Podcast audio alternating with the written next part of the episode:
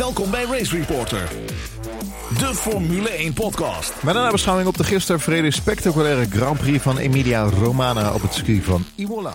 Het was de eerste overwinning van Honda, de Honda motor, op Imola sinds 1991. Dat was met Senna en de McLaren. Hamilton behoudt zijn record dat hij nog nooit de eerste twee rondes van welk seizoen dan ooit in zijn carrière heeft gewonnen. Met Lando Norris als derde behaalde Lando het 700ste podium voor een Britse coureur. Het is de eerste race met twee Britse coureurs op het podium sinds China 2012, toen met Hamilton en Button. De rode vlag, naar aanleiding van de crash tussen Bottas en Russell, was de allereerste rode vlag op Imola sinds het dodelijk ongeval van Ayrton Senna op 1 mei 1994. Het was de elfde zege van Max Verstappen, waarmee hij op gelijke hoogte komt met Villeneuve, Massa, Barrichello. En Max Verstappen is de dertigste coureur die in zijn carrière minimaal 11 races heeft gewonnen. Hiermee heeft hij meer overwinningen behaald met de Honda motor dan met de Tak Heuer motor. Imola was de eerste race sinds de Britse Grand Prix van 2010, waarbij Mercedes, McLaren en Red Bull een podium deelden. En dit was de eerste race sinds Hongarije 2019 dat Sergio Perez een race finishte buiten de punten. Het vijfde seizoen van deze Formule 1 podcast, aflevering 96. Ik ben Lucas Degen en we zitten hier in ons eigen studio in Haarlem, de Race Reporter Studio. Zoals vanouds met het gebruikelijke team. Heren, stel je kort nog even voor. Ja, hoi. Ik Hallo. eh, ben uh, Charles Jalving. Van Charles.nl toch? Zeker. Ja, Potverdorie van het boek. Van het boek. van het eh, stukje fotografie ook. Vooral Wat ook. leuk. Ja, en ik heb onlangs mijn eigen boek uitgebracht. Dat was ook al een, eh, een succes. Dat was direct uitverkocht. Ja. Oplage was nul. Dus eh was top. Oh. Eerst Misschien, misschien moet ik hem dan toch maar eens gaan schrijven. Als toch mensen zijn. die- Nou, we hadden toch al aardige, ik een stuk of 500 bezoekers of zo op de website. Dus dat was wel even lachen, ja. Humor om te lachen. Maar wie ben je nou eigenlijk? Ja, en wat doe je hier? Ik eh, ben Charles en mijn leven bestaat uit een fragment van dingen die ik leuk vind. En dingen die ik moet doen. En dit en moet dat, je doen. eh, dat zijn dingen zoals een podcast. Dit is een moedje. Ja. Ja. Eh, we vallen in herhaling toch? Dus ik ga het kort houden. Oké, dankjewel. Nou, dan hou ik het ook kort. Ik ben Jeroen en ik hou van racen en ik schrijf. En welk van de twee ben jij ook alweer? Ook Jeroen? Ik ben eh, Hem van Demmendaal. Ah. En ik ben dan die andere Jeroen tenslotte. En ik, eh, ik kijk veel naar races. Daar wou ik het graag bij houden. Mooi. Hey, wacht even. hè. Oh. Nee. Hij is ook jarig geweest. Dat hij is 50 geworden. En we hebben nog een klein presentje. Ja. We hebben nog, hij Wat zag hem al liggen, want hij? Oh, Jeroen wat zat net op de tafel. Niet ingepakt. Oh, Een plant. leuk. Hij krijgt een plant Kijk, hier over de tafel. Pluk, klein geluk. En nog één. Staat er nog op. En nog een plant. hij heeft een kamerplant gehad. En ik, ik zei nog zo bij De mijn echte introductie. Valtteri Bottas kamerplan. Daar wou ik graag bij laten. Alsjeblieft. Maar ja, dat is toch wel weer heel leuk. Twee kamerplanten. Oké. Nou, gefeliciteerd. Ja, van Leuk. harte nog. Van harte, van harte, van harte. Een prachtige race, de tweede race van dit seizoen. En waar gaan we het allemaal over hebben vandaag? Heerlijke race, een natte race. De zegen van Verstappen, het geluk van de kampioen. Het falen van Perez, de crashes, of de crash tussen Bottas en Russell. Het podium van Norris, de gevechten in de achterhoede. En natuurlijk de luisteraarsvragen die vandaag zijn, vandaag zijn binnengekomen via Twitter. Wat vonden jullie van de race? Nou, ehm, ik moet zeggen, ik had sowieso altijd wel zin in Imola. Eh, ik keek er wel naar uit, ook naar die kwalificatie, die eh bloedje spannend was. Eh, en toen, een kwartiertje van tevoren, toen zag ik op de Twitters voorbij komen van, hé, hey, het regent. En toen dacht ik, hé, hey, maar dat is leuk. Dan wordt het nog spannender. En dat bleek wel. Want we hebben gewoon een hele, hele goede race gehad. Eh, na de, na het, het enorme spannende festijn in, in Bahrein. Nu weer gewoon een uitstekende wedstrijd. Ehm, de, er komt echt een WK-strijd aan. Ehm, en eh, ja, ik, eh, ik ben heel erg positief gestemd. Je vergelijkt dit met, eh, wat was het, twee jaar geleden? Dat Mercedes toen eh, de eerste negen races of zo... Zeven of acht races. Ja, allemaal Dat was ook 1-2'tjes. eerste seizoen, geloof ik, als podcasters. Ja, ja, dat was een stroef begin was dat. Daar zaten wij er ook niet omheen. Maar als je dat vergelijkt met nu, nou dat is toch fantastisch dit. Twee van zulke races, spanning nu al vooraan. Nou, ik ben er wel blij mee hoor. Mooie eerste bocht. Prachtige eerste bocht. Ja. Tweede was het officieel ook. Maar Je hebt helemaal gelijk. maakt niet uit, eh, details, details. Ja, dat kleine knikje is bocht 1. Knikje is ook een bocht, ja. Het eh, befaamde knikje inmiddels. Het Bottas Ja, en Russell. Ja.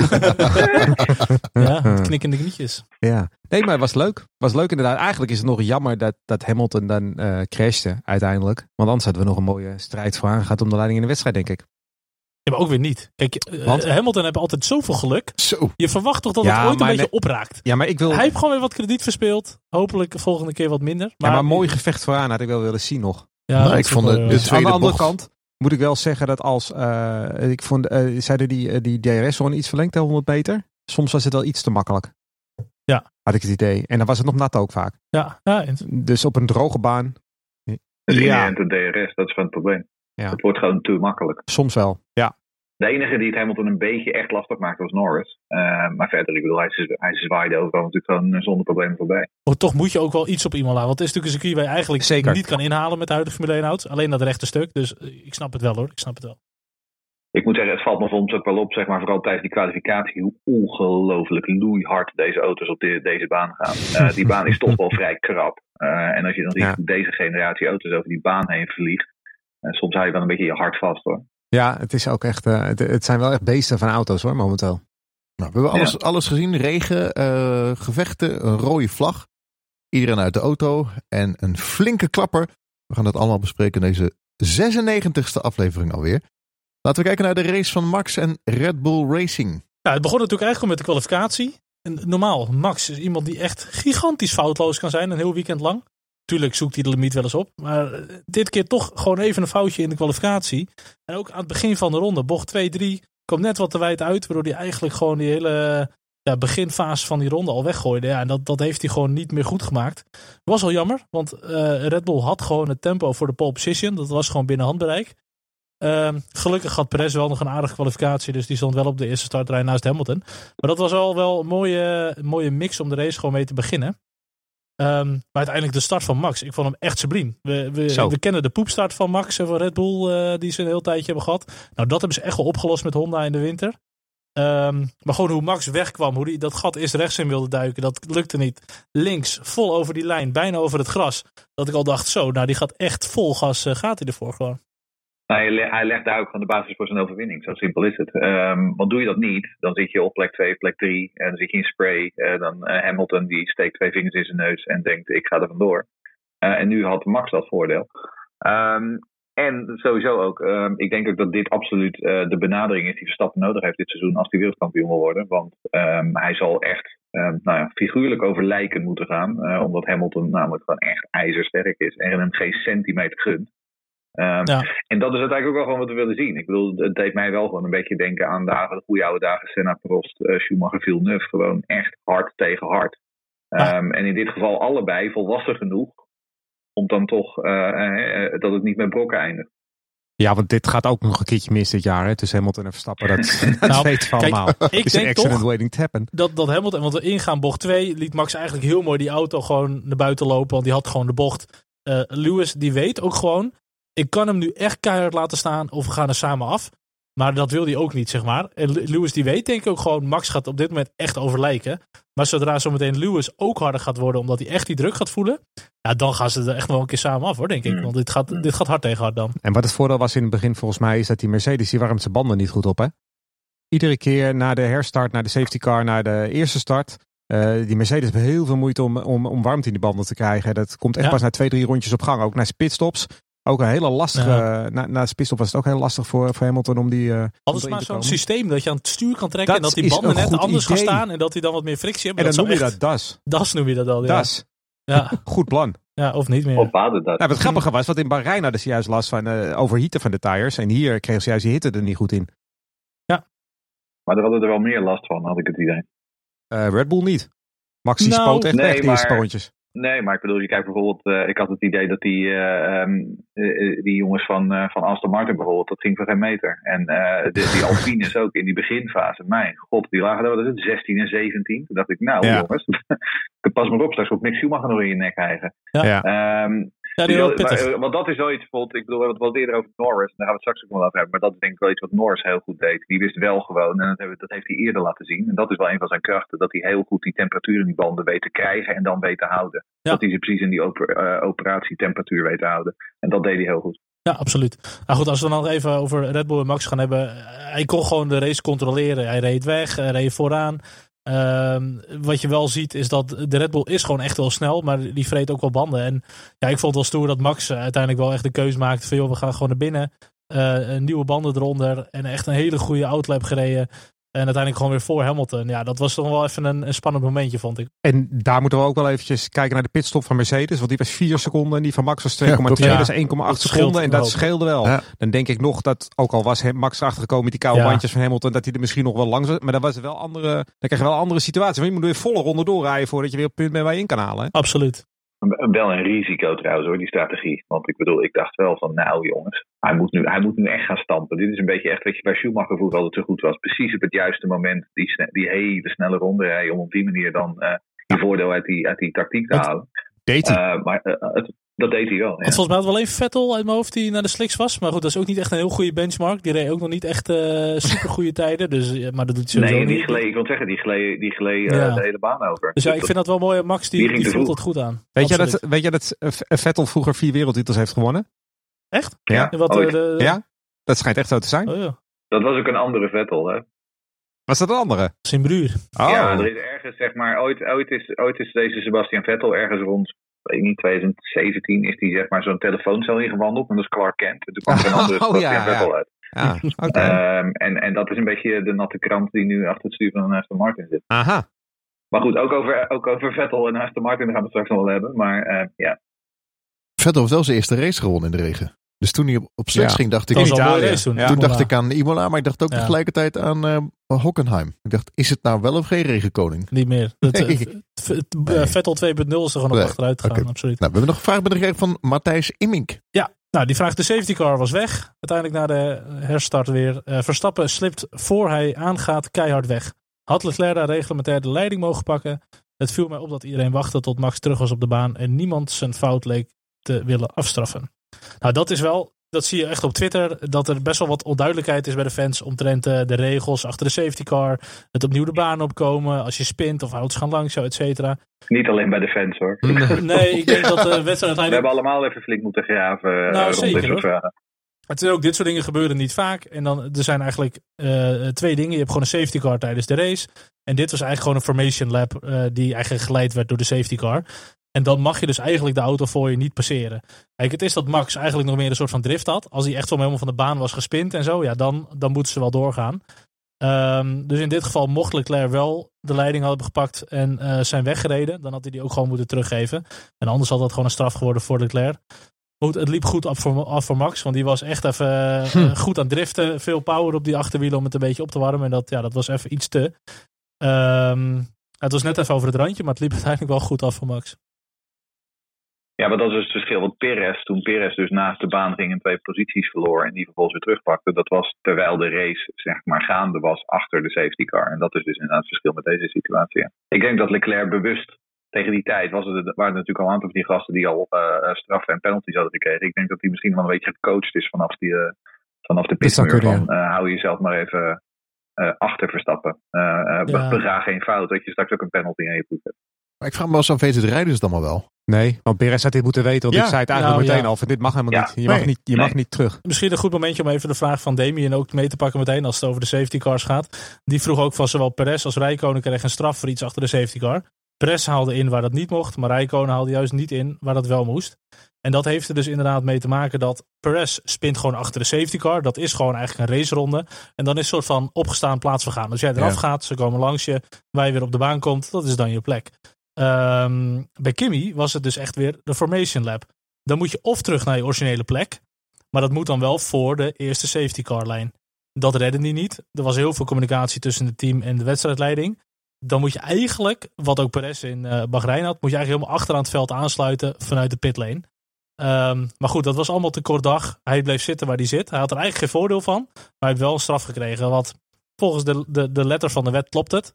Maar ik snap voor de fans denk ik echt van hoe dan of zo. Ja, maar Alfa Romeo had zoveel punten altijd in zo'n jaar. Dus ach. Ja, en ik moet zeggen, Alfa Romeo had hem wel de pits in kunnen sturen, maar dan weet je zeker dat je nul hebt. Dus doe dan maar proberen een beetje het goede te doen en laat maar zitten en dan zie je het wel. Ja. Dus ja, Vraag eh, gekregen nog van Maarten Evertsen.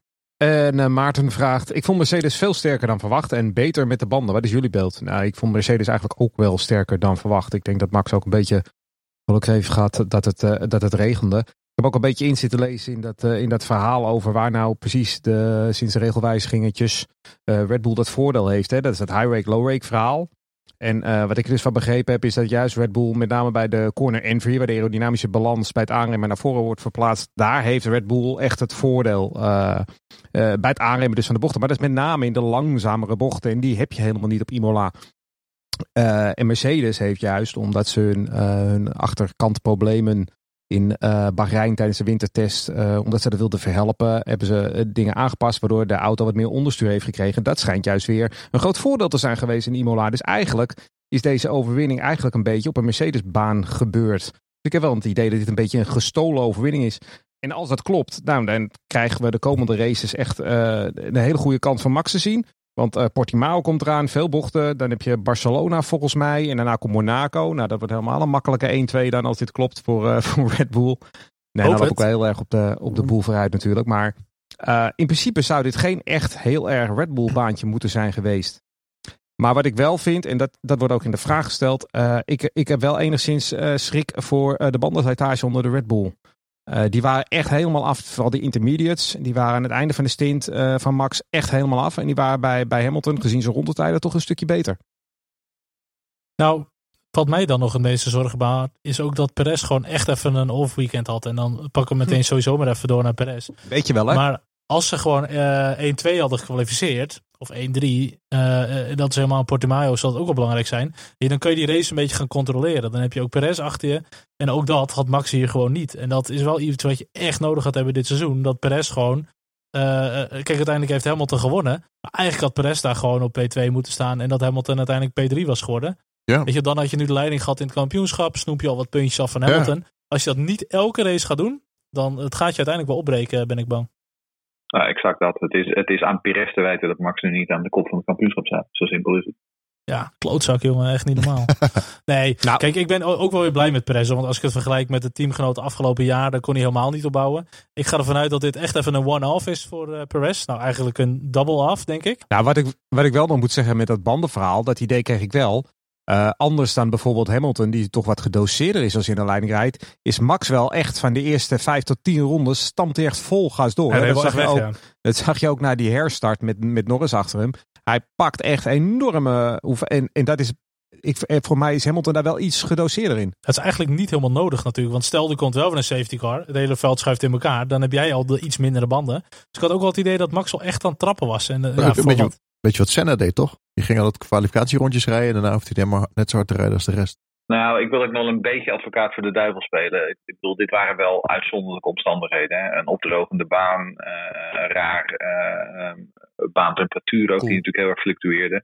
Uh, intermediates. het is helemaal niet gezegd dat als we straks op een kurkdroge baan rijden, we rijden gewoon op normale slicks, dat dan de Red Bull nee. net zo um, hard op de banden is. Dus we, we, het, het, zou zomaar kunnen dat dit een, uh, een uitzondering op de regel is. Dus we moeten nog een paar races aankijken voordat we echt... Maar goed, er waren meerdere coureurs die best wel door de mand vielen. Maar goed, Perez achter de, baan, achter de safety car van de baan. Maar die 10 seconden stop dan, uh, later nog een keer gespind. Ja, het was, het was drama. Ja. Vooral die tweede spin. Die maar goed, uh. Jim, ja, maar, Jim, Jim nee, Langeweg ja. vraagt ook. Ik denk dat Max echt kei en kaart moet werken om dit jaar die titel te pakken. Hamilton gaat het ze knap lastig maken. Ik zie die kansen 50-50 momenteel. Gaat Perez de sleutelrol hebben voor Max om kampioen te worden? En zo ja, kan en wil hij dat? Nou, kijk, ik denk sowieso dat echt Max en Lewis, die gaan echt voor elke centimeter knokken dit, dit seizoen. Tenzij er echt ineens iets heel raars gebeurt of veel uitvalbeurten voor een van de twee coureurs. Um, je moet Hamilton gewoon nooit onderschatten. Die is gewoon zo snel, zo consistent. Zelfs als hij pech heeft, heeft hij weer een beetje geluk. Um, dus Perez moet inderdaad echt zo dichtbij mogelijk gaan zitten. Kijk, en of Perez dat wil, ja, ik denk dat het heel simpel is. Die heeft geen keuze. Red Bull heeft zijn carrière gered. Die hebben hem een topstoeltje gegeven. Ze mogen relatief vrij racen. Maar ik denk wel dat als het erop aankomt, dat Red Bull echt geen seconde twijfelt over dat ze uh, Max gaan helpen ten faveur van Perez, zeg maar. Bovendien denk ik dat uh, het zomaar zou kunnen zijn dat Mercedes Hamilton in ieder geval ook wat minder heeft dan Bottas dit jaar. Omdat die Mercedes is minder goed.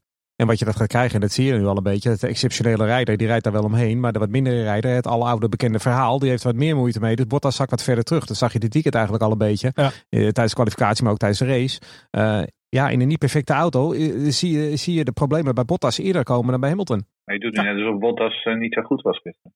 Nou ja, ik vond het best wel, P9 is best knap. Het is in de punten. Ja. Toch? ik bedoel... Ik bedoel, hij toch, hij toch. Nou, ja, die, die ik bedoel maar. Ik bedoel. Maar hij heeft niet zo vaak gespind als Perez. Nee, Maar ik, om, om hier om aan te vullen op, op het Perez-deel. Kijk, ik bedoel, Max gaat over de, uh, over de course of the season natuurlijk ook wel gewoon natuurlijk het verschil maken. Uh, en tegen de tijd dat je dan in, weet ik veel, een Monza aankomt, race 15. Ja, ik bedoel, dan staat Perez al op zo'n danige achterstand. Um, weet je, dan is de realiteit op de baan, die leidt maar tot één conclusie. En dat is dat Perez Verstappen gaat helpen. Want ik bedoel, ja, Perez kwalificeerde zich nu voor Verstappen. Maar dat was natuurlijk vooral omdat Verstappen wel een, een, momentje had in die, in die chicane. Want anders had hij gewoon op pol gestaan. Ja, en wat we vorige keer al zeiden, welk van de twee teams gaat echt tot het gaatje dit seizoen qua ontwikkeling? En wie verlegt echt veel aandacht zometeen naar volgend seizoen? Dat zou ook wel bepalend kunnen zijn nog. Kijken naar de zilverpfeilen, die tegenwoordig zwart zijn. Het weekend van Mercedes. Hamilton vecht terug. Wel knap gedaan. Russell en Bottas clashen. Flinke klapper. Anthony Davidson was jarig gisteren, had een goede analyse gedaan. Hoe hebben jullie de klapper... Uh, hebben we natuurlijk in de groepsapp flink over gepraat. Volgens mij zijn we het er allemaal over eens, toch? Nou, Beetje mooi. mooi. Nee, dat, was, dat het een hele grote klapper was inderdaad. En dat de rode vlag ook wel terecht was eigenlijk. Want de hele baan lag bezaaid. Ja, voor mij zijn de meesten wel over eens dat de grootste deel van de fout ligt wel bij George Russell, denk ik. Die daar wel erg veel risico neemt. Uh, Anthony Davidson die trouwens ook keurig zien dat Bottas die droge lijn heel netjes aanhield. Ja. ja. ja. En uh, ja, ik, ik, ik, ik, vond het wel heel erg. De, de, de reactie die vond ik wel heel erg. Met die klap tegen de help van, van Bottas. Mm. De middelvinger van Bottas naar. naar dat is logisch hoor, na zo'n crash ook. Je ja, maar dat ja, of zo. Weet nou, dat weet ik niet. Is, is dat echt logisch? Ik nou, zie ook wel eens coureurs. Nou, adrenaline giert door je lichaam, zeker bij zo'n jonge Nee, dat weet ik wel. Maar ik zie ook, ik zie ook wel eens coureurs naar grote klappers eerst naar elkaar toe rennen. Van ja. gaat wel, weet je? Ja, vind ik ook. Dat, is, dat vind ik een wat logischere. Ja, maar er is ja. hier natuurlijk een hele, ja, maar er is hier wel, een hele andere dynamiek gaande tussen Bottas en Russell. Dat weet jij en dat weet de rest van de wereld ook. Sterker nog, dat weet Russell ook heel goed. Maar daar ben ik het ook wel mee eens. voor de camera staat te verkondigen dat Bottas dit bij een andere coureur niet zou doen. Want, want want Russell, ja, maar, nou, ik ben het ook met hem eens, maar Russell ga, is natuurlijk bezig om ook gewoon uh, psychologisch, om, om Bottas, zo waar het maar kan, gaat hij proberen om te ondermijnen. Want hij weet dat dat zijn voornaamste concurrent is voor die Mercedes. -stoel. Dat is zo leuk, hè, dat, dat psychologische gedoe. Dat vind ik echt leuk. Ja. Maar het lastige voor Russell is ook die, zeg maar, een soort van denk innerlijke tweestrijd. Als hij Bottas niet had ingehaald, dan had Mercedes waarschijnlijk gedacht van, ja, hij mist die mentaliteit om ervoor te gaan. Weet je, als er een gat is en je hebt die snelheid, doe dat, weet je, pak die kansen. Dus niet doen had niet goed geweest, maar wel doen had nu ook niet goed geweest, zeg maar. Ja, had het dan goed moeten doen, maar dat is lekker simpel. Maar dat is best wel een lastige keuze die je split second maakt. Ik vond Bottas ja, in dat knikkie prima. Maar hij gaf gewoon niet veel ruimte. En die lijn die, die, die sluit ook zeg maar richting die rechterkant een beetje. Terwijl Russell daar echt al komt. Ja, ik vind wel, kijk fout ligt gewoon bij Russell. Maar ik vind Bottas moet beter weten. Je harkt op P9 rond. Geen idee hoe dat komt. Nou ja, ja. oké, okay, kamerplant, dat soort dingen. Maar uh, ik snap ook dat, dat Bottas hem er gewoon niet langs wil laten. Als het, als het een andere coureur was geweest, had hij volgens mij ja, echt wel iets meer ruimte gegeven. Dus ik vind het gewoon dom van Bottas. Ja, maar, maar er is dom iets, van Russell hoor. Dat las ik ook op internet, maar de, op, op Twitter. Maar er is iets dat, dat mensen zeggen, ja, waarom blijft Bottas daar niet links? Ja, dat hoeft hij ook helemaal niet. Hoeft hij niet. Hij, hoeft, hij moet ruimte nee. geven, maar hij hoeft niet helemaal links te gaan rijden. Maar dat is gewoon het sentiment dat iedereen wil Russell in die auto. En Bottas vinden ze niks. Dus Bottas moet lekker aan de kant. Tuurlijk, dat moet ook niet. Maar ik vond gewoon, Bottas moet beter weten. Weet je wel, die moet weten, dit kan niet goed gaan. Op 340, geef iets meer ruimte. Bottas moet vooral gewoon niet op plek 9 rondrijden naar Mercedes. Want ik bedoel, uiteindelijk begint het daar. Hè. Daar ligt het voornaamste probleem. ik gooide het gisterenmiddag tijdens de race op Twitter. Na 20 ronden lag Valtteri Bottas een minuut achter op Max Verstappen. Dat vertelt je alles wat je, wat, je, wat je moet weten hier. Ik bedoel, die man reed echt geen deuk in een bakje boter. En we weten natuurlijk ook niet wat er uh, al achter de schermen bezig is. Hè? Want ik bedoel, uh, volgens mij is Russell ja, en Wolf zijn nog steeds. Uh, Wolf behartigt nog steeds de zaken van, van Russell. Dus wie weet wat voor gesprekken er al gaande zijn over 2022. Um, dus ik, ik, ik, denk dat dat ook een dynamiek is die, die voor ons als, als buitenstaanders niet helemaal duidelijk is. Um, maar ja, ik, okay, ik denk dat Russell gewoon, ik denk echt dat hij gewoon uh, een psychologisch spel aan het spelen is hier. Uh, daarom, daarom gaat hij natuurlijk ook zeggen van, ja, waarom zit Bottas, uh, Bottas als je in de Mercedes rijdt, dan behoor je voor zegens en voor podiumplaatsen te vechten. Ja, dat zou ik ook even zeggen als ik hem Maar ik heb nog niks gehoord of gelezen over echt een aanwijsbare reden dat Bottas echt zo, zo weinig snelheid had. Want weet je wel niet dat er iets met de auto echt mis was of met de motor? Of, uh... Nou, hij begon in de kwalificatie. Wat, wat, wat ging daar mis? Waarom startte hij als achtste volgens mij in mijn hoofd? Achtste. Maar waar, waar was dat voor? Dat was op droog, hè? Ja. Droog weer met de Mercedes achtste. Ja, zullen ze een gokje genomen? Slechte kwalificatie, nee, vervolgens een slechte start. En dan zit je helemaal vast achter, uh, achter Stroll. En Stroll heeft natuurlijk ook gewoon een Mercedes in, uh, in die bak liggen. Er was natuurlijk geen DRS lange tijd. Nee, maar... Ja, en dan, en dan, verlie en dan verlies je natuurlijk gewoon heel snel terrein. Een vraag van Steven hebben we binnengekregen. Zijn foutjes incidenten zoals gisteren met Bottas de reden waarom Russell nog steeds geen contract heeft bij Mercedes? Dat weet ik niet, maar ik moet wel eerlijk zeggen dat ik Russell in race trim niet altijd mee vind vallen. Ik vind hem in kwalificatie uh, zeer indrukwekkend. In, uh, in race sim vind ik hem inderdaad wel meevallen. Um, maar ik weet niet of dat de reden is. Ik denk nog meer. Kijk, afgelopen winter zei Toto Wolff had het er weer over dat hij nooit meer in een situatie wil als destijds tussen Rosberg en Hamilton. En als ik dan kijk naar George Russell, dan denk ik, als je die naast Hamilton zet, dan creëer je weer eenzelfde soort situatie. En gisteren uh, gisteren bewijst Russell dat eigenlijk. Russell is geen wingman. En dan heb ik het niet over zijn kwaliteiten, maar over zijn persoonlijkheid. Hij is geen tweede rijder. Dit is een kopman in de dop. Kijk. En die, kan niet, die gaat niet in dienst van Hamilton rijden. Nou, Russell wil zich gaan bewijzen en heel hard, maar Bottas niet. Nou, Bottas is gewoon altijd de afgelopen jaren. Want we, kunnen, we maken altijd grappen over hem. En hij is een soort kamerplant. Nou, die heb ik net van jullie gekregen. Waarvoor dank nog steeds. Maar uh, Bottas is natuurlijk de ideale wingman. Hij pakt podia. Hij doet zelden, maakt hij fouten. Waardoor hij eraf spint. Hij pakt alle punten voor de constructeurs. Hij wordt keurig tweede in de WK. Hij pakt zegens. Hij doet alles. En hij is zelden zit hij Lewis Hamilton in de weg. En als je zegt dat hij in de kant moet van Hamilton, doet hij het ook. Dat is de perfecte wingman. En we zien allemaal al jarenlang bij Red Bull hoe moeilijk het is om een perfecte wingman te krijgen. Zijn nu weer met Perez bezig. Nou, we moeten het allemaal nog maar zien hoe dat gaat. Twee jaar daarvoor heeft Verstappen altijd alles alleen moeten doen. Het is cruciaal voor een wereldtitel om een goede wingman te hebben of een tweede rijder. Uh, en het is heel moeilijk om te vinden. En ik denk eigenlijk, als ik Toto Wolff nu zou zijn, uh, dan, dan vind ik Bottas nog steeds de meest geschikte coureur naast Lewis Hamilton. En dat vind ik Russell niet. Maar met het eventueel vertrek van Lewis Hamilton uit de Formule 1, en dat weet niemand of dat gaat, ja, het gaat ooit gebeuren, maar wanneer. Het kan natuurlijk zijn, dat de geruchten gaan wel langer, dat Lewis toch al een beetje is uitgekeken. Nou, dit jaar heeft hij denk ik een heel mooi jaar voor, voor de boeg. Ja, wie weet dat hij na 2022 al stopt. En ik snap ook dat Mercedes op een gegeven moment wel een, een coureur wil gaan klaarstomen als nieuwe nummer 1. Want Lewis blijft gewoon niet voor altijd. Nee, maar misschien moet je dan uh, een ander zitje voor hem gaan zoeken dan uh, de tweede stoel bij Mercedes. Want als jij, uh, als Hamilton morgen zegt ik stop ermee, dan zou ik Bottas weer vastleggen als tweede rijder. En dan zou ik gaan kiezen tussen of Russell, maar dan moet je heel veel vertrouwen in hem hebben, of in Max Verstappen. Dat zijn de twee mensen die je dan moet hebben als kopman. Waarbij je af moet vragen Max Verstappen wel naar Red Bull moet of wel naar Mercedes moet overstappen, maar dat is weer een ander verhaal. Maar ik vind nog steeds, ik vind Russell geen tweede rijder. En naast Hamilton, dat, dat worden twee haantjes in de kiphok. Ja. Maar goed, als we het dan toch ook hebben over Toto, hebben we nog een vraag van onze grote vriend van de show, Dennis Burgersdijk. Uh, vraag aan de heren, hoe zouden jullie nu handelen als jullie Total Wolf zouden zijn? Russell en Bottas zijn alle twee uh, zijn cliënten als zakenmanager. Benieuwd naar jullie mening. Best een lastig pakket voor Toto. Um, ja, ik vind het oprecht ook wel een lastige. Maar dat heeft ook wel te maken met dat Toto echt gewoon heel veel belangen heeft in de Formule 1. Met coureurs, met teams, aandelen, uh, weet ik het wat. Uh, je gaat toch een beetje soms belangenverstrengeling krijgen. En ik, ik denk dat hij het tot nu toe prima doet, in hoeverre ik kan oordelen. Um, maar ik denk dat het beste is om gewoon beide coureurs even bij elkaar te, te zetten. Gewoon de kaart op tafel. En uh, het gewoon uit te spreken. En kijk, voor Russell, het kan gewoon niet dat je als Mercedes junior een Mercedes van de baan rijden. Dat is gewoon echt een no-go. Hoe dat ook gebeurt, moet niet gewoon. Ik snap het vanuit beide wel dat ze echt wel tot het gaatje gingen en dat ze echt uh, hard tegen hard gingen. Want ze vechten gewoon om één stoeltje. Maar ja, ik zie ook niet echt 1, 2, 3 uh, een hele goede oplossing of zo. Nou ja, het punt is natuurlijk wel met Russell is dat hij in principe, waar gaat hij anders heen?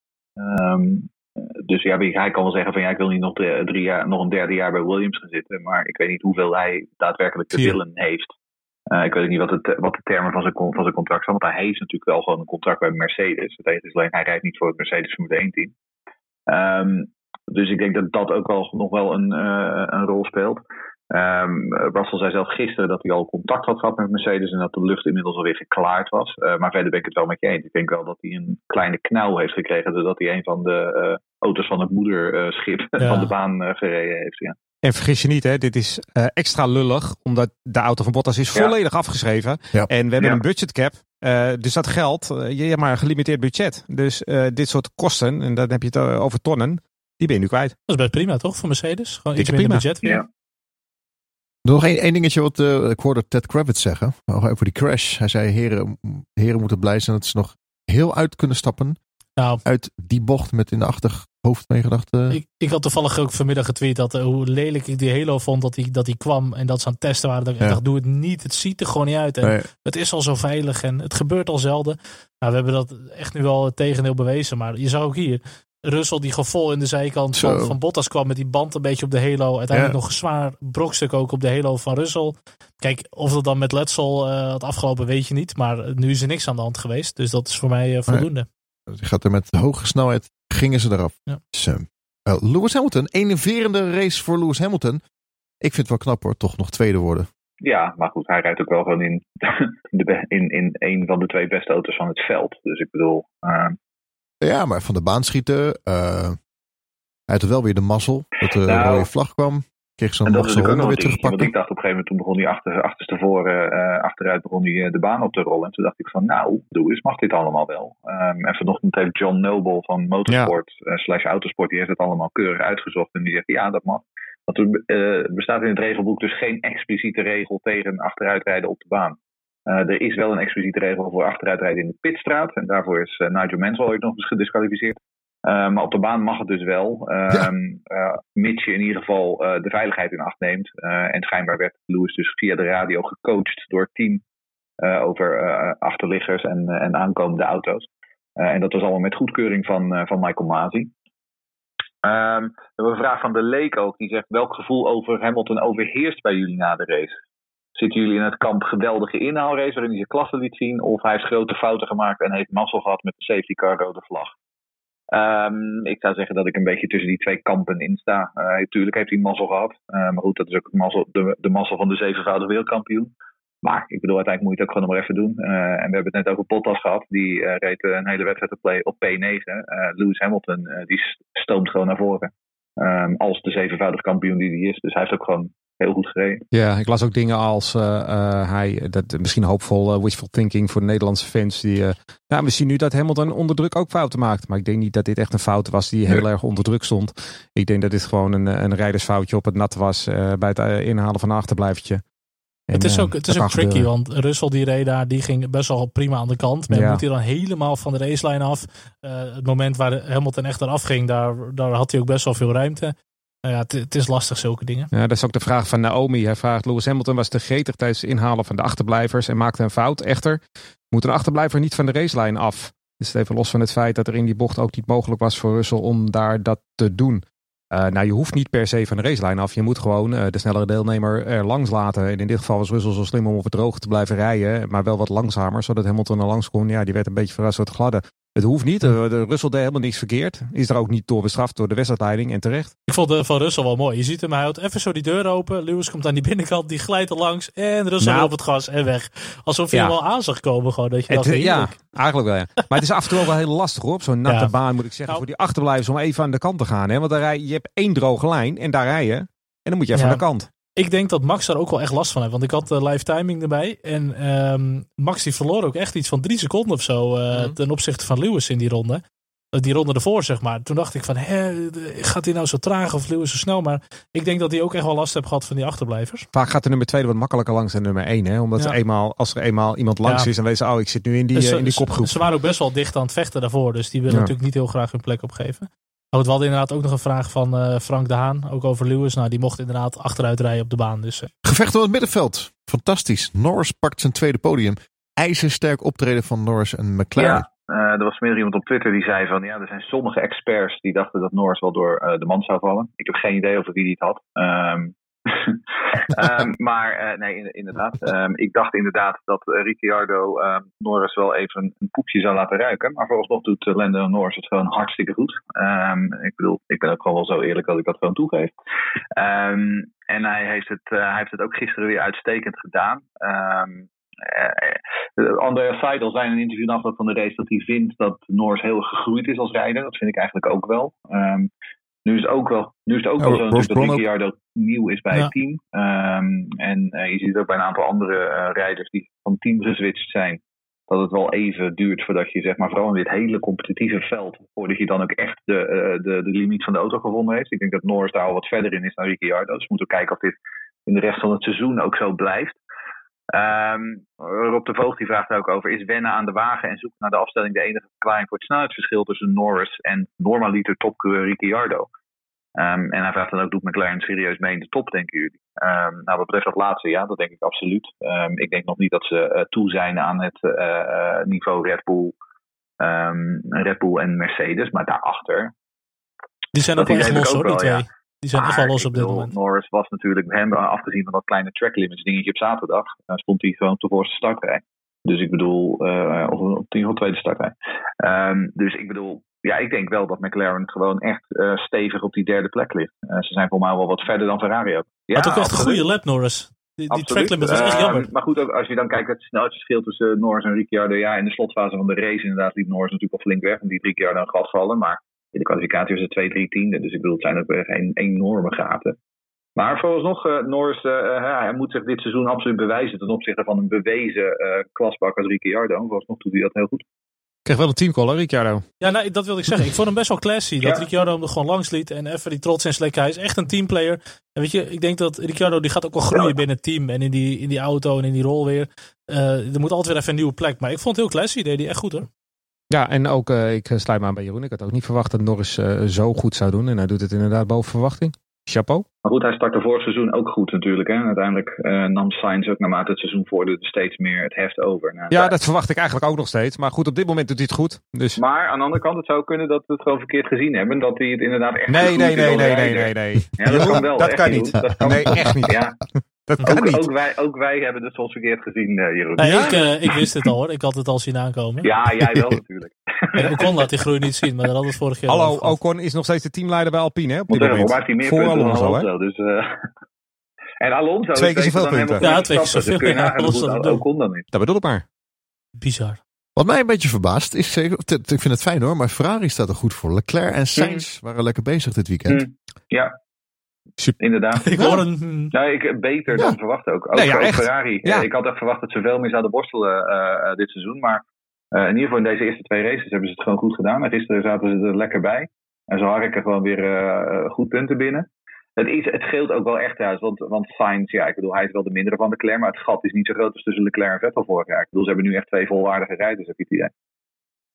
Volgens mij hadden ze ook wel gegokt een beetje op de regenrace. Uh, hadden ze wel een risicootje genomen. Dus alleen uh, Sainz die Hm. spinde in, uh, in de opwarmronde. Dat was nog wel even tricky. Maar um, nou, op zich, ze zitten er wel aardig bij. Ja, mooie gevechten. Zat echt in een mooi duel, ook Maar- soms. Ook voor dit geld uh, dat ik nog wel eventjes benieuwd ben naar de komende circuits. Want uh, Portimao is een Ja. totaal andere baan als Bahrein en Imola. Wat echt Ja. een power circuit is. En ik ben wel heel benieuwd hoe die auto, want dan gaat het niet zozeer om de motor. Dan gaat het meer om de auto, hoe dat op Portimao allemaal gaat. Ja, eigenlijk alles wat we nu zeggen kan gewoon een vuilnisbak in. Want het is gewoon too soon to say. Dus, uh, dat is bij heel veel dingen wel wat ik vorige keer al zei, enig opportunisme Ja. is ons niet Ja, vreemd. eh, absoluut. In de waan van de dag gaan we gewoon mee. En een punt voor Alpine.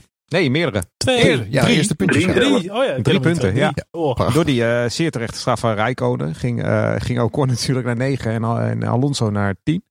Dus, uh, en voor de rest hebben ze helemaal niet gezien. En valt er niet veel meer over te zeggen. Behalve dat Alpine wel goed ingreep. Hè? Want uh, Ocon ging op uh, wets rijden, net als Gasly. En die hadden na één ronde al door dat dat hem niet was. Dus ze ging meteen naar binnen voor, voor intermediates. En bij Alfa Tauri bleef ze een beetje doorhangelen met die, met, die, met die wets. Wat eigenlijk niet echt handig was.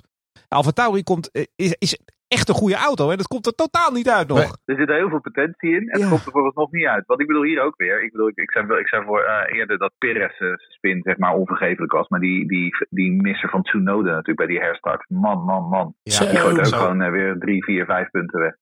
En Ja, absoluut. wel een absolute glansrol voor ehm, Alonso. Dat na die crash, dat toen even die camera zo even ging uitzoomen. En toen zag je zo'n slippertje van Alonso voor in het beeld. En toen ging je weer terug naar de crash. Had je die gezien of niet? Ja, dat heb ik gezien. Dat side shot was wel een mooi shot. Is dat. Ik zal hem wel even delen zo. Ja, ik moet wel eerlijk zeggen dat, eh dat Yuki is natuurlijk wel eh, een, eh, een beginner. En, eh Ja. en Perez had ik iets meer van verwacht. Die is me echt tegengevallen dit weekend. Eh, bij Ja. Tsunoda wil ik nog wel eventjes door de vingers heen kijken. Gaan we nog een paar races aankijken. Ja, ik, ik hoop niet dat de Hij is Perez, wel wild. Ik hoop niet dat de Perez een soort eh, Herbert naast een Schumacher wordt. Dat die tweede auto gewoon onbestuurbaar nou, is. Of een eh, Jos Verstappen naast Schumacher. Dat Ja, zou ook ja. nog kunnen. Nou, ik moet wel Herbert zeggen... Met, is beter. Ik moet wel zeggen met, uh, met Yuki uh, van, dat ik wel vind dat hij in alles wel heel erg wild is. Want ook die boordradio calls tijdens vrije trainingen over, over Sergio Perez notabene, wat ook uit de Red Bull stal komt. Hij, dan is, al een tijdje jongen, weg, jongen, jongen. tijdje weg uit Japan, heb ik het idee. Nou, nee, maar Doe weet je, even normaal man. Yuki begint wel nu een beetje zo tegen het randje vervelend aan, zeg maar. Uh, beetje hij zoals jij meestal veel. bent. Ja, ja, zeker. Standaard die grens een Ja. beetje opzoeken. Dat je denkt, nou kap even nou, we snappen het, weet je wel. Maar liever iemand die het toch een beetje moet gaan remmen. En die een beetje moet sturen. Zeker. Dan iemand waar helemaal niks in zit. Zo'n Ja. pak yoghurt die al twaalf weken in de koelkast staat. Weet je wel. Ja, Sato. Dus ik hou er wel van. Maar hij moet, het is een beetje een ruwe diamant. Hij moet Ja, echt gepolijst worden. Ja, hij is heel ruw. hij Nou, is heel ik, ruw. eh, Yuki, moet, ook- Yuki moet ook niet te veel in zijn eigen eh, evangelie gaan geloven. Want ik bedoel, Dat. dat je, en in zijn eigen hype te gaan, gaan geloven. Want hij is natuurlijk heel erg populair op social media. Dat zal hij inmiddels zelf ook wel een beetje doorhebben. Maar goed, dat Ehm, zijn wij ook. de- hè? Wij de- blijven ook gewoon. Ja, exact, ja, inderdaad. En ik ben er altijd heel erg voorzichtig mee. Ik bedoel, je loopt het risico dat je daardoor afgeleid wordt. En dat je daardoor een soort van persona gaat opbouwen. In plaats van dat je echt gewoon focust op je job. Ik heb eh, heel veel vertrouwen in Yuki, maar hij moet inderdaad, er moet even een paar, een paar goede gesprekken met hem volgen, denk ik. Ja, maar dat is ook logisch. ja, heel goede, goede eerste race. gewoon- Ja, Ja, nee, hij heeft- hij heeft gewoon twee, drie seizoenen in die, Tauri, in die Alfa Tauri nodig. Zo simpel is het. Ja, Ja. oh zeker. Als, Ja. als je denkt dat hij volgend jaar al naast Max kan rijden, dat zou ik echt niet doen. Ik denk dat Max ook zegt van nou, doe even niet joh. Dat, dat wilde ventje. Nee, nee, gewoon nog een jaartje Perez. Ja. Zie ik in de glazen bol. Ja, of, eh, of eh, George Russell hè, Goed. als het ehm, zo doorgaat. misschien. Vettel. Ja, eh, dat wordt, Ja, wordt ja, wat, wat is hij aan het doen? ja, daar kwam het er ook niet helemaal uit. Nee, hij blijft maar Of aanmodderen. helemaal niet. Nee. Nee, we hebben er ook eigenlijk wel een vraag over, Maarten Everts, om hier maar meteen op in te haken. Maar meteen een vraag, valt dit jaar op hoeveel coureurs eh, gewisseld, eh, die gewisseld zijn naar een nieuw team achter hun teamgenoot aanrijden? Waaronder Ricciardo, hadden we net al gehad, eh, Vettel, Sainz, Perez enzovoort. Hoe komt dat volgens jullie? En spelen de veranderde auto's een, een rol? Nou ja, dat, dat zal sowieso een rol spelen. En ook het hele korte testen in Bahrein natuurlijk. Ze hebben maar anderhalve dag gehad, dat is echt schrikbarend weinig. En dan is Bahrein ook nog een beetje een, een bijzonder baantje met hoge Ja, temperaturen. kortere vrije trainingen. andere baantjes. Kortere vrije trainingen helpen ook niet. Dus dat zal allemaal wel helpen. Uh, maar dan nog vind ik wel dat we het hebben het wel over heel ervaren coureurs. Hè? Ricciardo, uh, Vettel, uh, Perez. En dan vind ik, zoals Perez gisteren reed, dat vind ik eigenlijk onvergeeflijk. Maar ook Seb Vettel, dat is echt waanzinnig slecht wat hij wat hij laat zien tot nu toe. Het is niet een beetje langzamer of zo. Ricciardo is een beetje langzamer dan Norris. Dat komt wel Ja. goed, weet je. Die doet verder niks geks. Maar wat Vettel en, en, en, en die anderen momenteel presteren. Perez, dat is, dat is echt, uh, echt te, te slecht. Nou, ik denk wel dat Martin een punt heeft. Het feit dat die auto's zo weinig veranderd zijn, dat betekent inderdaad dat uh, de, de, de coureur die er al langer zit bij het team een nog groter voordeel heeft ten opzichte van de nieuwkomer. Ik denk dat dat wel scheelt. Uh, kijk, ik bedoel, ik denk dat Lance Stroll op dit moment echt redelijk uh, comfortabel in die, in, in, die Force India zit. Um, maar uh, ja, Vettel, ik, bedoel, ik, ik, ik had niet verwacht dat hij nou meteen zeg maar, de eerste twee races zou winnen. Maar ik bedoel, dit is wel het hele andere extreme. Um, we hebben ook een vraag van Rob Seiberden. Die vraagt, uh, is Lando Norris echt zoveel beter dan Ricciardo? Nou ja, die vraag heb ik eigenlijk al een beetje beantwoord. Uh, maar hij vraagt ook, hoe groot is de kans dat Hulkenberg halverwege dit seizoen in de auto van Vettel gaat rijden? Um, nou, die kans lijkt me sowieso vrij nul. Al, al is maar omdat Aston Martin een hele uh, uh, promotiecampagne rondom Sebastian Vettel als, als, als uithangbord gaat bouwen natuurlijk. Uh, de, Vettel heeft ook gewoon commerciële waarde. heeft een tweejarig contract. Um, dus die kans lijkt me niet zo heel groot. Maar ja, Vettel, het, het, moet wel snel om. het roer moet wel snel om nu. Nou, dat wou ik inderdaad net zeggen. Want hoe lang hoe lang kun je zo blijven aanmodderen achter iemand als Lance Stroll? Met alle respect voor mm. Lance Stroll, dat is best een redelijk coureur, maar geen, geen grootheid. Je kan, hoe lang kan je blijven teren op vier wereldtitels als je zo achter Stroll aanrijdt en, en steeds van de baan spint? Want ook dat een beetje too soon to say, denk ik, voor dit seizoen. Uh, nieuwe Zeker. auto, nieuw team. Maar ik ben wel echt benieuwd hoe dat gaat. Maar we hebben ook een voorgeschiedenis bij Ferrari, waar het de laatste anderhalf, twee jaar ook echt heel slecht ging met, uh, met Vettel. Absoluut. Er is ook wel heel veel wat fout gaat hè, bij Aston Martin. Want het was natuurlijk voor in Bahrein al allerlei gezeik. En nu is weer dat gedoe met die remmen. Dus ik bedoel ook de hele. Het zijn natuurlijk de tests die gewoon echt voor hem meter gingen. Dus Ja. de voorbereiding voor Vettel is natuurlijk ook echt gewoon uh, Gaat, uh, eh, echt dramatisch. Maar daarom gaan ze nu de FIA aanklagen, hè, omdat uh, de regelwijzigingen zijn allemaal, ja, is allemaal hun schuld, want het is nu gewijzigd. Het is ten nadele van Mercedes en Aston Martin is daar ook die Sjaak. Dus dat gaat allemaal weer teruggedraaid worden zometeen. Ja, je ziet wel, vorig jaar konden ze die brake ducts niet zelf ontwikkelen, want die hadden ze gekopieerd. Dit jaar hebben ze het zelf ontwikkeld. Kan ook niet, want die dingen die smelten gewoon onderweg naar de grid. Ja, dus dat ja, is een ja, drama bij het team ook hoor. Ja. Maar goed, onze grote vriend Josilian, die vraagt, wie valt jullie na twee races in positieve zin op, buiten de gebruikelijke, en wie in negatieve zin. Ja, ik vind het sowieso lastig na twee races. Maar ik moet zeggen, Norris ben ik echt wel positief verrast over hoe hij het gewoon weer doet. Uh, Ferrari die staat er gewoon veel beter. En Leclerc is gewoon solide. Um, Alfa Tauri vind ik gewoon redelijk goed erbij zitten. Met de Honda. Yuki vind ik eigenlijk ook wel echt verfrissend. Al had hij dit uh, een beetje wat mindere raceweekend. Maar ja, wat ik zeg, ruwe diamant. Ik hou er wel van. Kimi doet ook nog steeds wel gewoon aardig mee op zijn leeftijd. Was wel jammer van die penalty. Maar goed, anders had hij toch even twee puntjes binnen, binnengehaald. Um, ja, op zijn leeftijd vind ik dat echt nog wel, wel knap dat hij er gewoon staat. Grootste tegenvallen vind ik eigenlijk Alpine. Nou, dan gaan we naar de lijst inderdaad met negatief. Nou, Alpine is voor mij eigenlijk de gebruikelijke, want het is een hele andere naam, maar Renault valt altijd tegen. Maar inderdaad, het valt zeker niet mee. Haas, maar goed, ook wel verwacht. Geen ontwikkelingen, twee uh, coureurs als rookie, waarbij Mazepin ook uh, in de auto zet. Aston Martin valt u gigantisch tegen. Hadden we ook al verwacht. Vorig jaar een kopie van de Mercedes. Dit jaar uh, moet ze het helemaal zelf doen. Gaat niet zo lekker. Um, en Bottas valt gewoon tegen nog, vind ik. Uh, die, die, staat er ook nog niet echt. Maar ik hoop dat dat ook wel een beetje zo blijft eigenlijk. Ja, mij valt Alfa Tauri tegen. Um, die halen echt nog niet het, die halen in de verste weg nog niet het maximale uit hun materiaal, heb ik het idee. Nee, het rendement um, halen ze er nog niet uit. Dat is waar. Daar moet ook organisatorisch, uh, moet, moet daar wel even wat veranderen nog, heb ik het idee. Ja, nee, dat is wel waar hoor. Maar we kijken naar de achterhoede, de achterhoede duels. Het vond opvallend dat Russell niet meer achterin zit. Latifi faalt opnieuw en Mazepin komt nooit meer van zijn bijnaam af. nou echt hè. Ja kijk, Latifi, eigenlijk altijd als je een Williams naast de baan ziet gaan, uh, spinnen, whatever, dan weet je gewoon, ah dat is Latifi. Nou, ook nu weer, begin van de race uh, was het gewoon Latifi die er eigenlijk afging uh, in de eerste ronde. Nou, dat kan nog gebeuren. Maar uiteindelijk ben met het rejoinen weer de baan opkomen. Gewoon niet gezien dat, uh, dat Mazepin al halverwege naast hem zit. Ja, dat was gewoon een beetje dom. Maar goed, het kan gebeuren. En hij betaalt uh, waarschijnlijk de rekening gewoon prima. Dus ja, volgende race staat hij gewoon weer. Geen enkele druk natuurlijk. en qua Mazepin, ja, hij heeft het toch best wel een aardig tijd volgehouden. alleen toch in de laatste ronde ging hij gewoon weer de rond in. Dus ja, voor iedereen die het leuk vindt, de website whenditmazespin.com kan je alles zien wanneer die voor het laatst is gespind. Nou, er kon er weer toch nog eentje bij deze race. Maar goed, ja, nee, die komt daar niet zomaar meer vanaf. Maar goed, de, die auto is ook echt een hok om te rijden gewoon. Dus ik snap het ook wel hoor. En dan in lastige omstandigheden, je zag het ook met, met Mick Schumacher achter de safety car. Nou, een beetje à la Grosjean in Baku volgens mij. Ja, maar zonder Ericsson. Maar... Ik moet wel zeggen, de Formule 1 is gewoon te hoog gegrepen voor Mazepin. Ja, tuurlijk. tuurlijk. Dus gewoon, dat gaat niet worden. Ook dat zie je ja, met het voordeel is alleen dat hij de komende vijf jaar heeft ja. om, uh, ja. Ja. om te leren. Want hij zit er voorlopig nog wel. Hoor. Voor Ural Racing. Maar datzelfde zie je met, met een Stroll. En die was dan misschien wel iets meer talent uh, gezien wat hij won en zo. Zeker. Uh, maar ook een Latifi. Ja, dat zijn twee die vind ik ook geen hoogvlieger.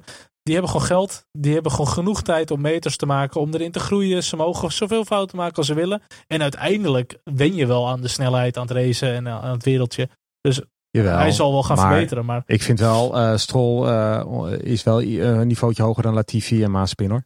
Nee, dat wel. Ja. Dat, wel. Dat, dat vind ik echt. Al heeft hij ook best wel goede ja. races gereden hoor in de Formule 2 uh, Maaspin. Maar hij is gewoon, ja, hij is gewoon grillig. Ook. Hij is gewoon. Uh, maar Maaspin, ja. Maaspin bijna twee keer zoveel kilometers in de Formule 1 auto gereden dan Mick Schumacher. Maar hij is ook gewoon een half seconde tijdens kwalificatie of 16 te langzaam. Los nog van het feit dat hij te vaak achter tevoren staat. Nee. Kijk, op kwaliteit hoort hij absoluut niet in de Formule 1. Dat is volledig eens. En zijn vader heeft er zoveel in geïnvesteerd. En dan ben je gewoon zo traag dat ik als vader toch zou zeggen van joh, zullen we lekker uh, uh, Le Mans een keertje gaan proberen of iets. Weet je, dat dan moet je in ieder geval een auto delen, dan kan je in ieder geval een auto delen met twee andere coureurs die er misschien wel wat van kunnen. Ja, ja dat is waar. Kijk. Goed idee. Vraag ben ik even van Sven. Sven, Sven Brandsma, die vraagt: Het team van Haas is op dit moment niet eens veldvulling, maar een rijdend obstakel. Als het zo blijft stuntelen, is er dan de mogelijkheid voor de FIA om in te grijpen? Uh, nou, ik vind het allemaal nog wel meevallen. Uh, vergeleken met uh, Williams uh, op hun diepste, diepste, dieptepunt, doet Haas het beter, relatief gezien aan de rest van het veld. Um, ja, ze hebben inderdaad een, een coureur achter het stuur zitten die misschien niet in, de, in deze sport thuis hoort. In ieder geval niet op, op dit moment.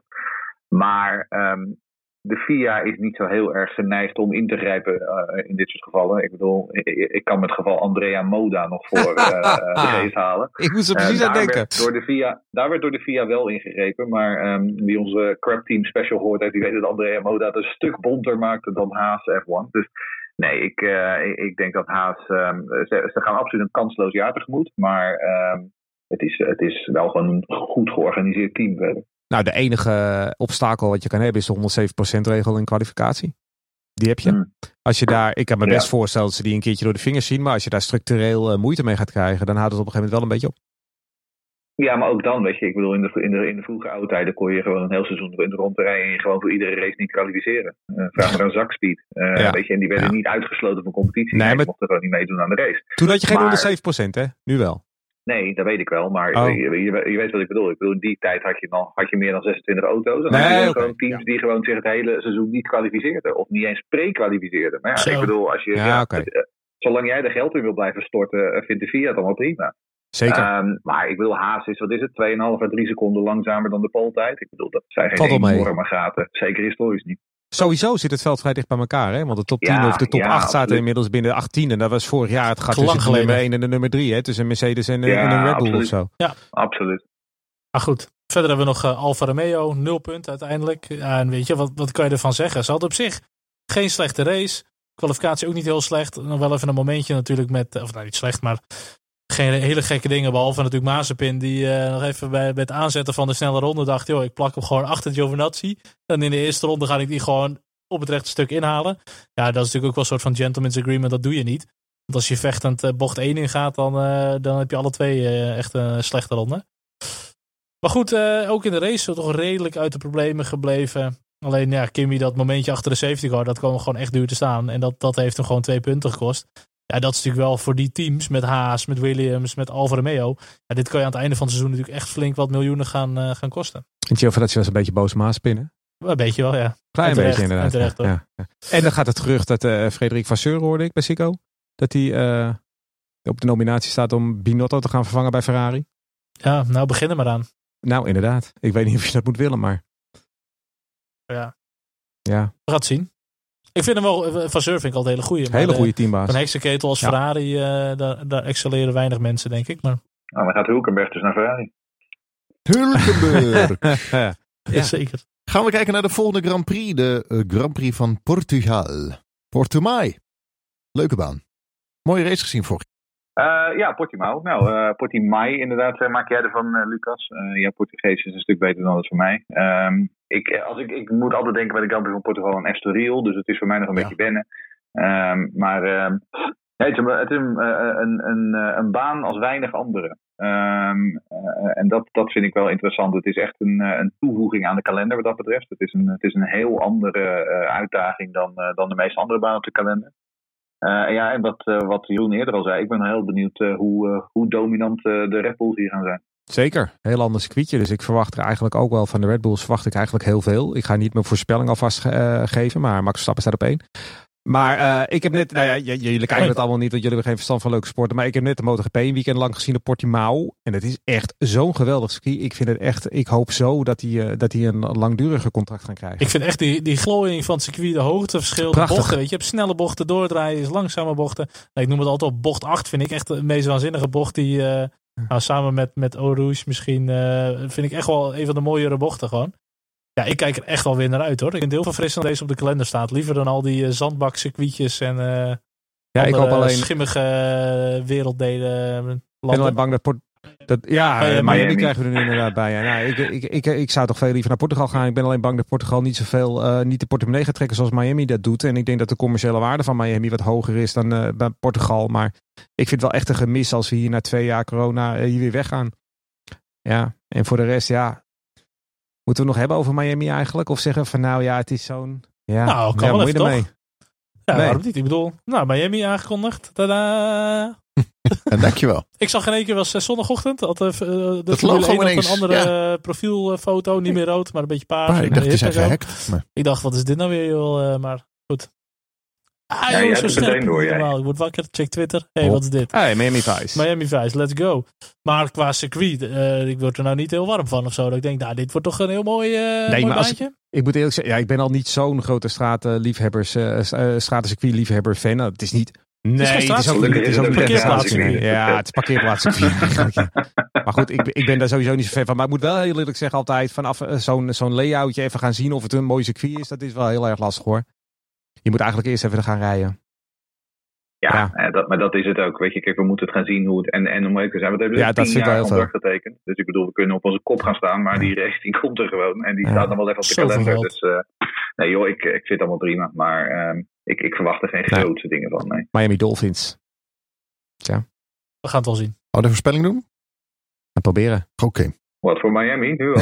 Oh, voor de komende tien jaar gaan we nu voorspellen, jongens. Let's go. Ja, voor de komende tien Eh, jaar. over, eh, wat is het, eh 2029, eh, Robin Rijkonen, P1. Nou, Max Verstappen gaat winnen.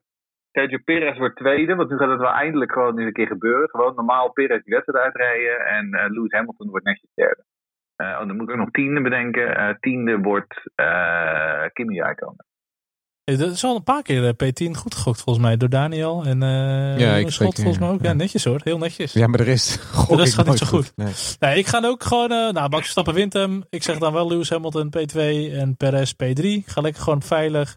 En op P10 eh, krijgen we, mm, ja, Sainz. Sainz, Sainz. Het jammer is eigenlijk van onze puntenstelling dat hij niet klopt natuurlijk. Want de nummer 10 raden is eigenlijk het moeilijker dan nummer 1 raden. Want nummer 1 dat kunnen er eigenlijk maar 2 of 3 zijn. En de nummer 10 dat kunnen er 18 zijn, zeg maar. Dus Ja. eigenlijk klopt die puntenstelling niet. Want voor de, voor de nummer 10 krijg je veruit de minste punten. Maar wat is nu jouw punt? Nou, dat ik even, ik wil naar de klachtencommissie. Ja, ik ga Daniel. Ga Ja, ik opbellen Daniel, morgen. wel, en die moet eens Daniel. even, even gaan verklaren hoe Moet die er in de eerst niet even puntentelling een mok naar Daniel toe? Ja, dat sowieso. Staat op het lijstje. Oh, top. Ja. Die jongen die verdient echt een mok. Ja, die Dat vind ik wel. ik hoop wel dat je koffie drinkt, Daniel. En anders dan ga je het maar gewoon leren. Thee kan je er ook in doen. cupsoep. Oké. Ik denk eh, Max Verstappen eh, eh, ook eh, dat hij gaat winnen. Ik denk Lewis Hamilton als tweede en eh ehm, Perez als derde. En ik denk eh, Yuki Tsunoda als tiende. Ik eh, denk dat Max gaat winnen. Dan Lewis Hamilton. Derde toch Bottas. En tiende Ricciardo.